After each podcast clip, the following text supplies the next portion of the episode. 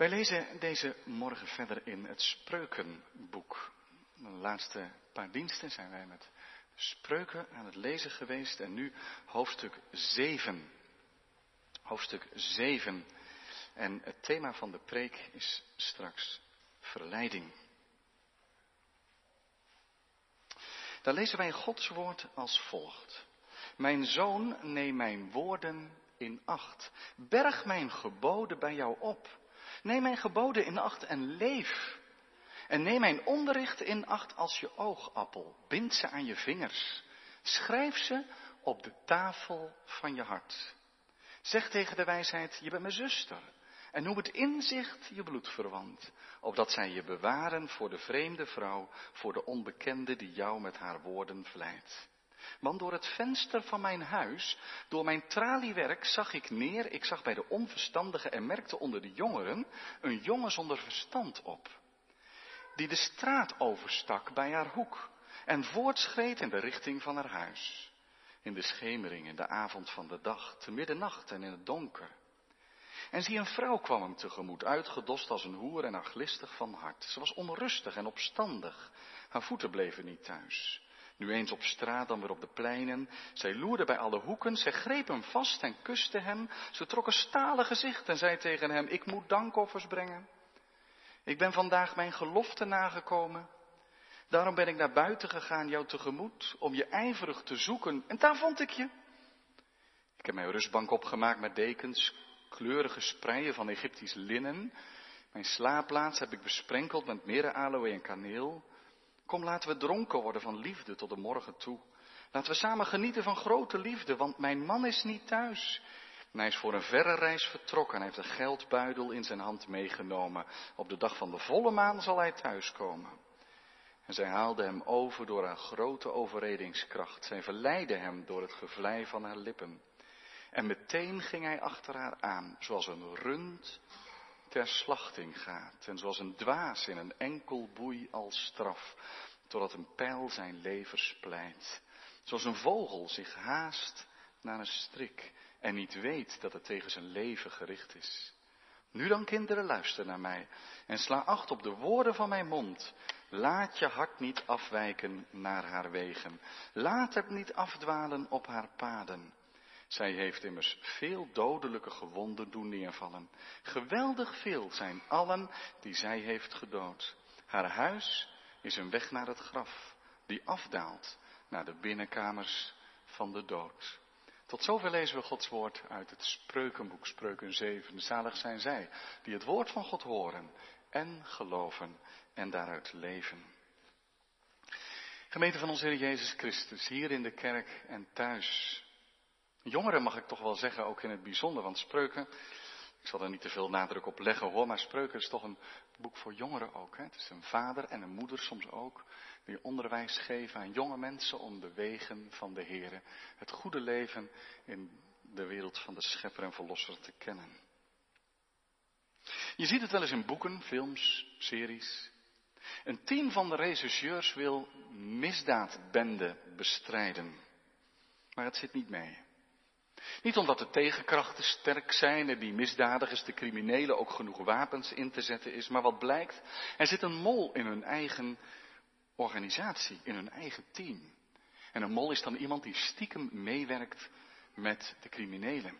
En hoe ze ook hun best doen, het lukt niet om ze te verrassen, om ze te overrompelen, om ze in te rekenen, want steeds zijn de criminelen hen voor. Er is een mol, iemand die stiekem samenwerkt met de vijand. De mol geeft informatie door. Dat is een ramp natuurlijk.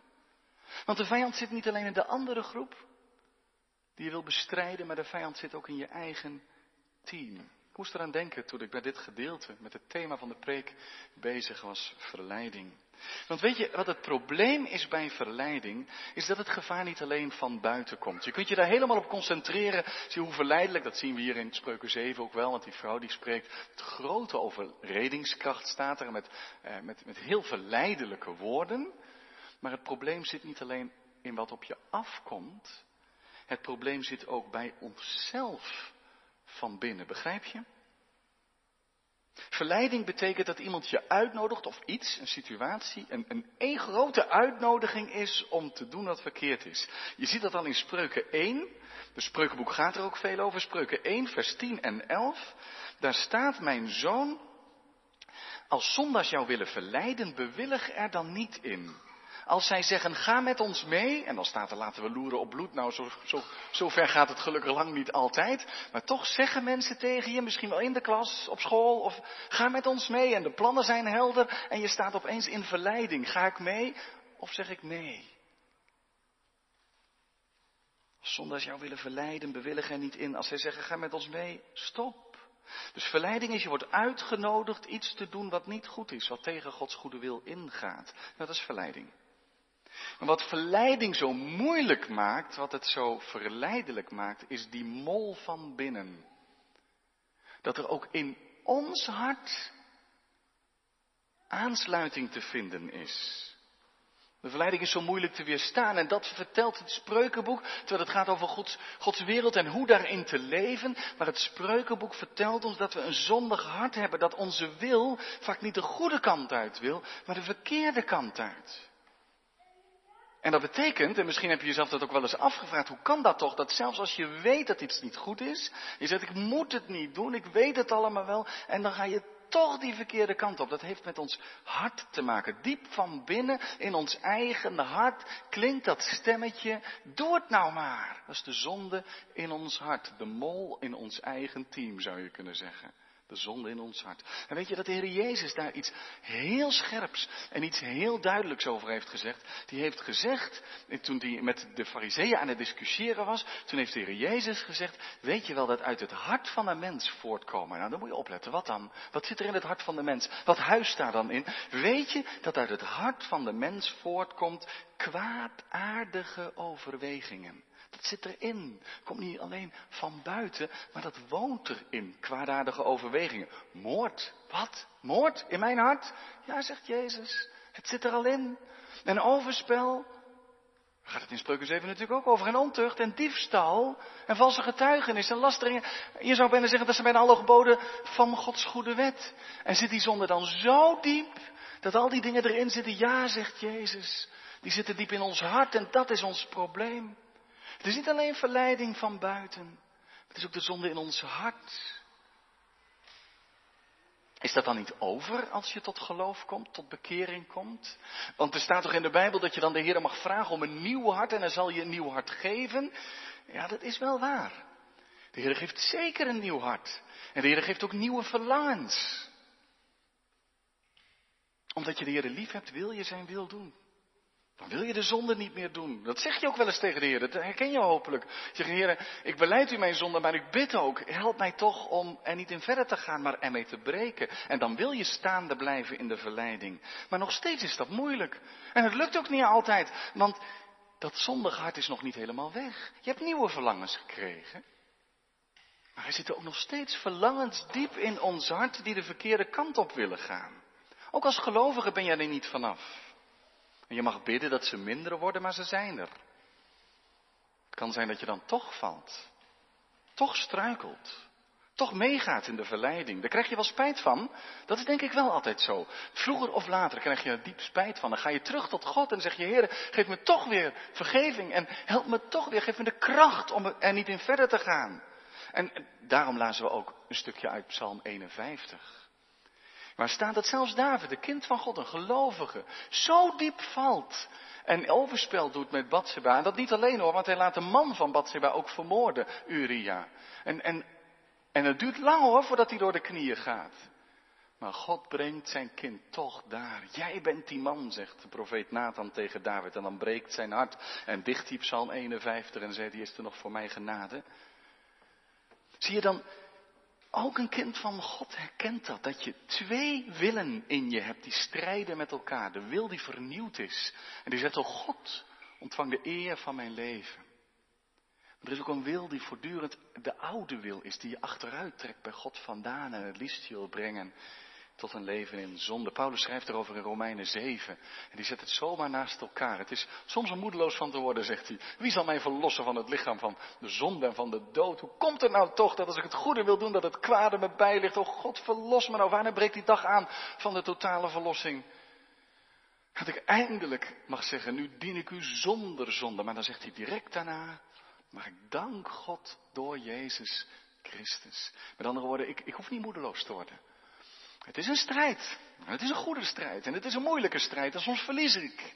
Door de kracht van de Heer mag ik uiteindelijk toch overwinnen. Door Zijn genade ingaan in een, een toekomst bij de Heer Jezus Christus. Waar geen zonde en geen verleiding meer is. Die twee willen in je leven. Welke verleidingen zijn er in jouw leven? In uw leven?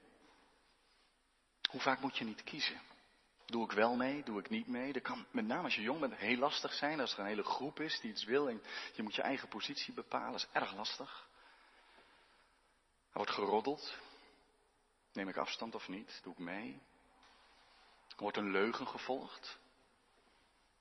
Of je staat zelf voor de verleiding om uh, het jezelf een hoop makkelijker te maken met oneerlijkheid.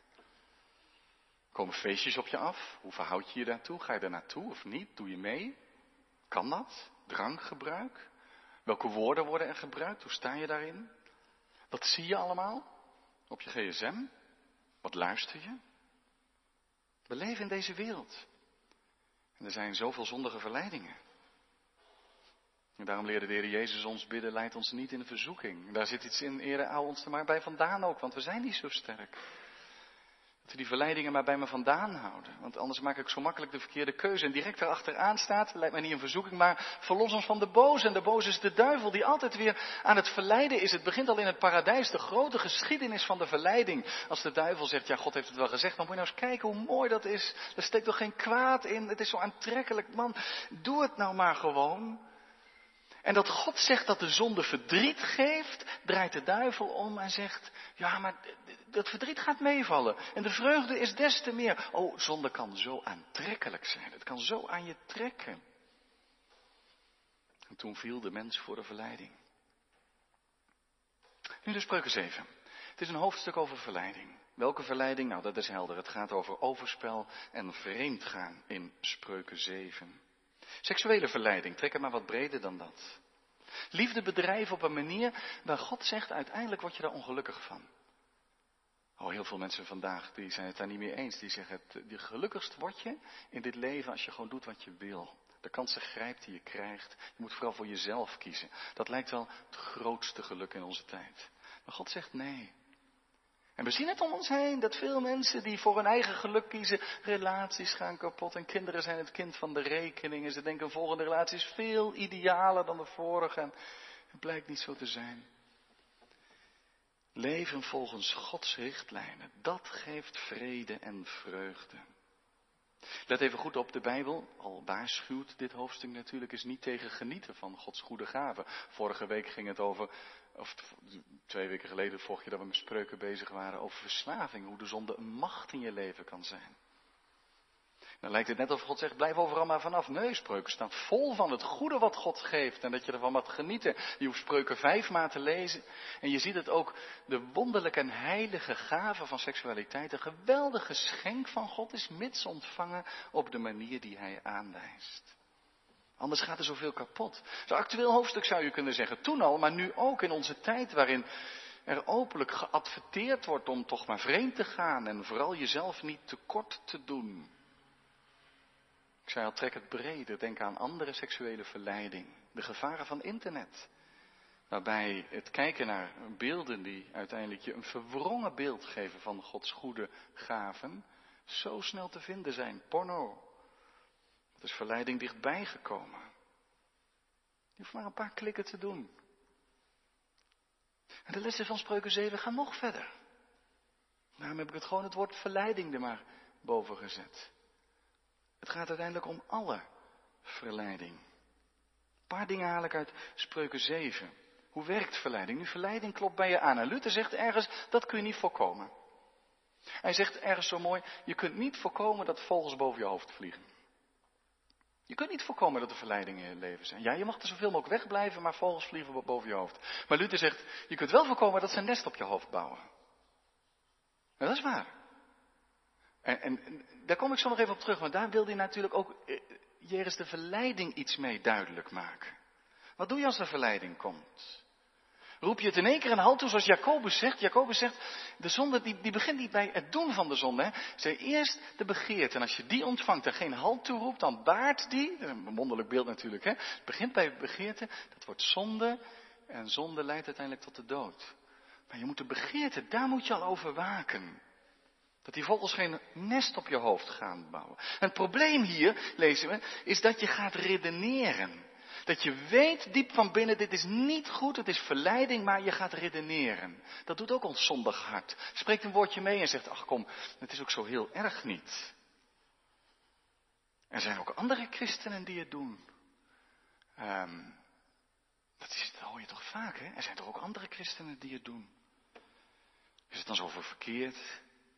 Gebeurt eigenlijk hier ook. Kijk maar even mee met vers 14 en 15. Vers 14, dan zegt die vrouw, als die die man vindt, ik moet dankoffers brengen. Ik moet, ben vandaag mijn gelofte nagekomen. Zeg ja, wat doet dat ertoe? het is nogal heel handig wat die mevrouw zegt. Die zegt, nou, kom ik jou tegen, dat is ook toevallig. Maar uh, het is allemaal goed hoor. Het is allemaal zo erg niet wat we doen, want ik was net onderweg naar de tempel. En ik had nog wat offers te brengen. Zou je niet meegaan? Gaan we eerst samen fijn naar de tempel, gaan we naar de kerk en dan, dan dienen we God. En daarna kunnen we de liefde bedrijven. Voel, voel je aan wat hier gebeurt? Dat is een enorme kloof tussen God dienen en je privéleven. Maar ondertussen gaat het allemaal gewoon door, maar je hart is er niet in. En je zegt, ja, nee, maar uh, ik, ik, ben heus wel christen en ik, uh, ik ga natuurlijk in alles gewoon mee. En ik, maar, maar ondertussen kan dat toch wel. En zo ga je redeneren. En zegt, ja, maar het maakt toch allemaal niet zoveel uit. Vrome verleiding zou je het kunnen noemen. En die verleiding doet zich buitengewoon mooi voor vol van bedrog. Want in vers 15, daar staat, daarom ben ik naar buiten gegaan, jou tegemoet, om je ijverig te zoeken, daar vond ik je. Nou, als je spreuken 7 leest, dan lijkt het eerder een toevallige ontmoeting. En hier denk ik, ja, ja, als die man weer zich omgedraaid heeft, is er volgende aan de beurt. Maar zij doet het voorkomen, het heeft zo moeten zijn. Wij zijn eigenlijk altijd al voor elkaar bestemd. Wij passen zo goed bij elkaar. Ik ken altijd mijn hele, ik ben wel getrouwd, hè, want dat blijkt straks. Ik ben wel getrouwd, maar altijd ben jij het toch voor mij geweest. Ik heb altijd, dacht ik aan zo iemand als jij. Je, en dan krijg je een voorspiegeling alsof de ander perfect is. Dat is wat verleiding doet. Het stelt het zo mooi voor, zo zuiver. Het gebeurt tot aan de kerk aan toe dat mensen dan zeggen, ja het is wel misschien tegen wat de Bijbel zegt in, maar het voelt zo goed en er is eindelijk iemand en we kunnen ook goed over het geloof praten en, uh, en het voelt zo goed. Dat is wat verleiding doet. En dan ga je redeneren, je gaat je verontschuldigen, je gaat bochten zoeken.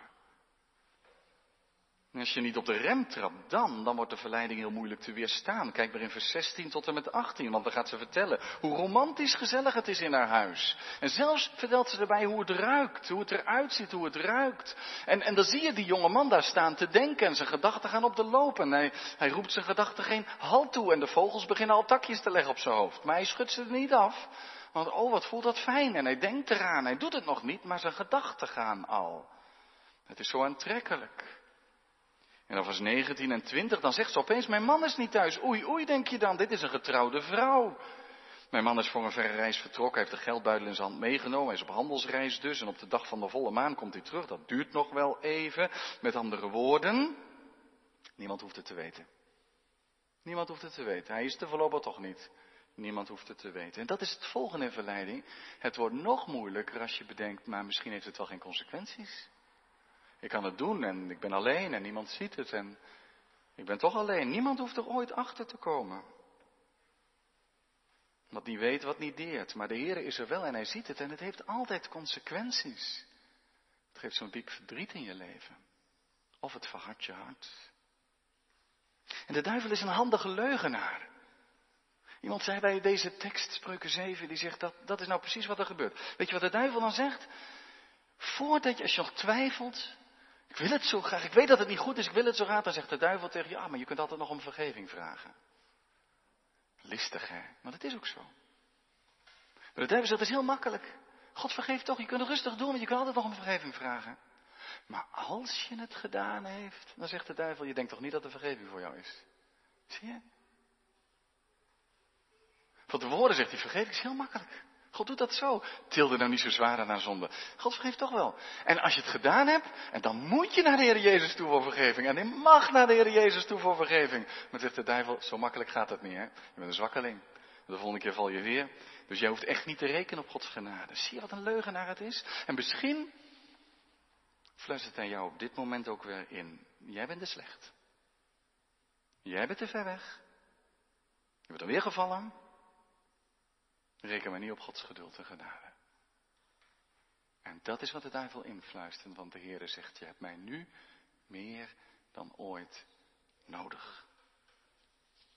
In vers 21 en 22 zeggen dan, daar gaat, daar gaat iets, ze hem over. En hij ging meteen achter haar aan, daar gaat de knop om. Je kent dat moment? Je getwijfeld? Ik moet het eigenlijk niet doen, het gevecht is over. Het is hier te sterk geworden. En dan gaat hij achter haar aan en dan staat het er, ja, met een vleugje humor, kan het niet anders zien. En toch diep treffend en ernstig. Hij ging achter haar aan, zoals een rund naar de slacht gaat. Nou, ik weet niet of je een rund wel eens uit zijn ogen hebt zien kijken als hij naar de slacht loopt, maar het ziet er niet bijster intelligent uit. Hij kijkt even lodderig als altijd. Hij heeft niet door wat er gaat gebeuren en hij schokt gewoon mee. En zo zie je die jonge man als het ware achter de schokken als een rund die naar de slacht gaat.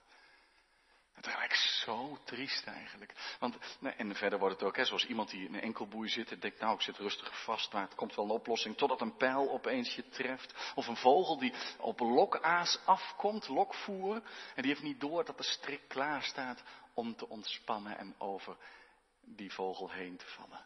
En zo gaat hij mee. Hij valt voor de verleiding, maar hij heeft niet door. En dat is natuurlijk een hele belangrijke lijn in het spreukenboek. Dat uiteindelijk die zonde wel heel aantrekkelijk kan zijn, maar uiteindelijk een val blijkt te zijn. Dat je uiteindelijk niet gelukkig ervan wordt, maar dan zit je erin.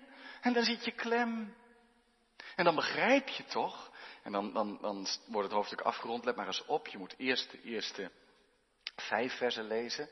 Een oproep om de aanwijzingen van Gods woord echt heel diep in je op te nemen, in je hart en om je vingers te binden, zodat je die altijd bij je hebt en eruit leeft. Dat is de beste bescherming. En aan het einde staat nu dan kinderen, vers 24, luister naar mij. Sla acht op de woorden van mijn mond. Wat leren we hier nou van? Uh, drie dingen. Twee staan er in vers 25. Laat je hart niet afwijken. Je hart. Bewaak je hart, zegt Spreuken 4, vers 23. O, laat je hart vol zijn van de genade en liefde van de Heer. Want als je hart naar de zonde neigt en je roept het geen hal toe en je laat die vogels een nest bouwen, dan gaat het verder en verder. En als je dan gaat, en dan zegt vers 25b, en ga, kom ook niet op haar paden.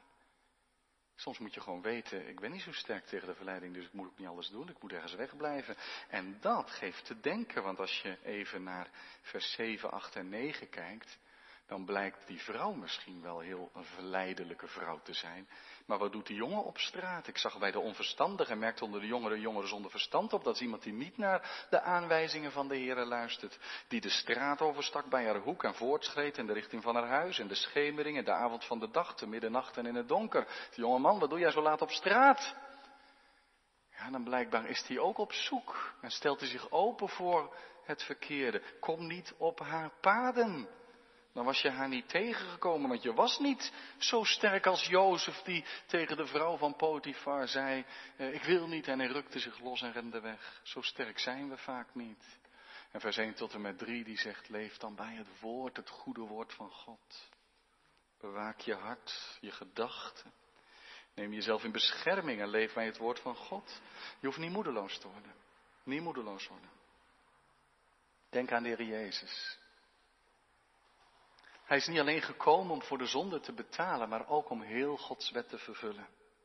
Was daarom het eerste wat hij deed toen hij gedoopt was en aan zijn openlijke werk beginnen, de verzoeking in de woestijn. Dat hij verzocht werd door de Satan met die zonden die zo buitengewoon verleidelijk waren, namelijk zonder lijden de eer en heerlijkheid ontvangen, zonder moeite de zorg van God ontvangen. Hij had er toch recht op? En hij bleef staande in de verleiding. Hebreeën 4 zegt de Heer Jezus is in alles verzocht geweest, maar zonder zonde. En daarom kan hij ons te hulp komen. Dat wil, wil meer zeggen dan dat als je twijfelt en strijdt, dat, dat hij je helpt ook. Hij kan je helpen om staande te blijven, maar ook als je valt. dan kan hij juist dan te hulp schieten met zijn genade die hij verdiend heeft, daar in die woestijn bij de Jordaan ergens. Dat hij een volkomen redder, een volkomen zaligmaker is, die gekomen is voor zondaars, die zo makkelijk struikelen en vallen. En dan wil je zeggen, Heer, help me op te staan, maar oh, het gaat niet altijd beter. En hij wist voor wie hij zijn leven gaf. Voor zondige mensen. Zwakke mensen. Die ook in de goede strijd wel willen strijden, maar ook zo vaak onderliggen. Juist als zijn liefde, die vergevende liefde waarmee de Jezus, die eh, vrouw die in overspel betrapt was, in vrijheid heen zond. En zei ik veroordeel u niet, maar zei ga heen zondig niet meer. Ja, dat ook. Dat ook, ja. Maar als die liefde, die onvoorwaardelijke, onbevattelijke liefde, het geduld van de Heer Jezus en de vergeving die Hij geeft, je hart met verwondering vervult, dan wordt de wil om het goede te doen sterker. Je zou kunnen zeggen, het beste medicijn, het beste verweer tegen de verleiding is die genade van de Heer Jezus Christus. Altijd weer genade, genade, genade groot oneindig groot. Voor zo iemand als ik die het niet verdien. Genade ook die mij heeft geleerd te vrezen voor het kwaad. Mag je bidden, Heilige Geest, woon maar in mij en leid mij. Dat heeft de Heer toch beloofd. Heilige Geest die in je lichaam als in een tempel wil wonen. 1 Korinthe 6 zegt daar dingen over. Nee, daar hoort geen overspel bij. En, en onreinheid, strijd daartegen. Laat het achter je. Laat je lichaam een tempel zijn van de Heilige Geest. Maar juist dat zegt ook, dat is niet een kwestie, dat doe ik in eigen kracht. Je mag vragen, o Heilige Geest, woon in mij. Nou, wees dan niet moedeloos. Wees niet moedeloos. Wie we ook zijn, misschien is de verzoeking in uw leven wel nu niet een zonde op dit moment. Of misschien speelt het nu niet het meest, maar zegt u zijn andere verzoekingen. Verzoekingen van moedeloosheid. Verzoeking van verdriet en van pijn en van ellende. Ja, wat je ook maar kan bedenken. Zorgen, financiële zorgen. Of onderzoeken en ziekte. De Heer Jezus is erin geweest. En Hij kan te hulp komen, juist als het nodig is. Laten we dan altijd weer naar de Heer teruggaan. En met vrijmoedigheid. Als de duivel je influistert, nee hoor, dat is veel te gemakkelijk. Zorg eerst maar dat je je eigen levens op orde krijgt. Dan mag je zeggen nee, want dat lukt mij niet. Maar ik mag naar de Heer Jezus toe gaan, zomaar, met al mijn zonden. En dan krijg ik van Hem genade. En mag ik vanuit die genade leren, leren vragen, Heer, help mij U te dienen. Amen.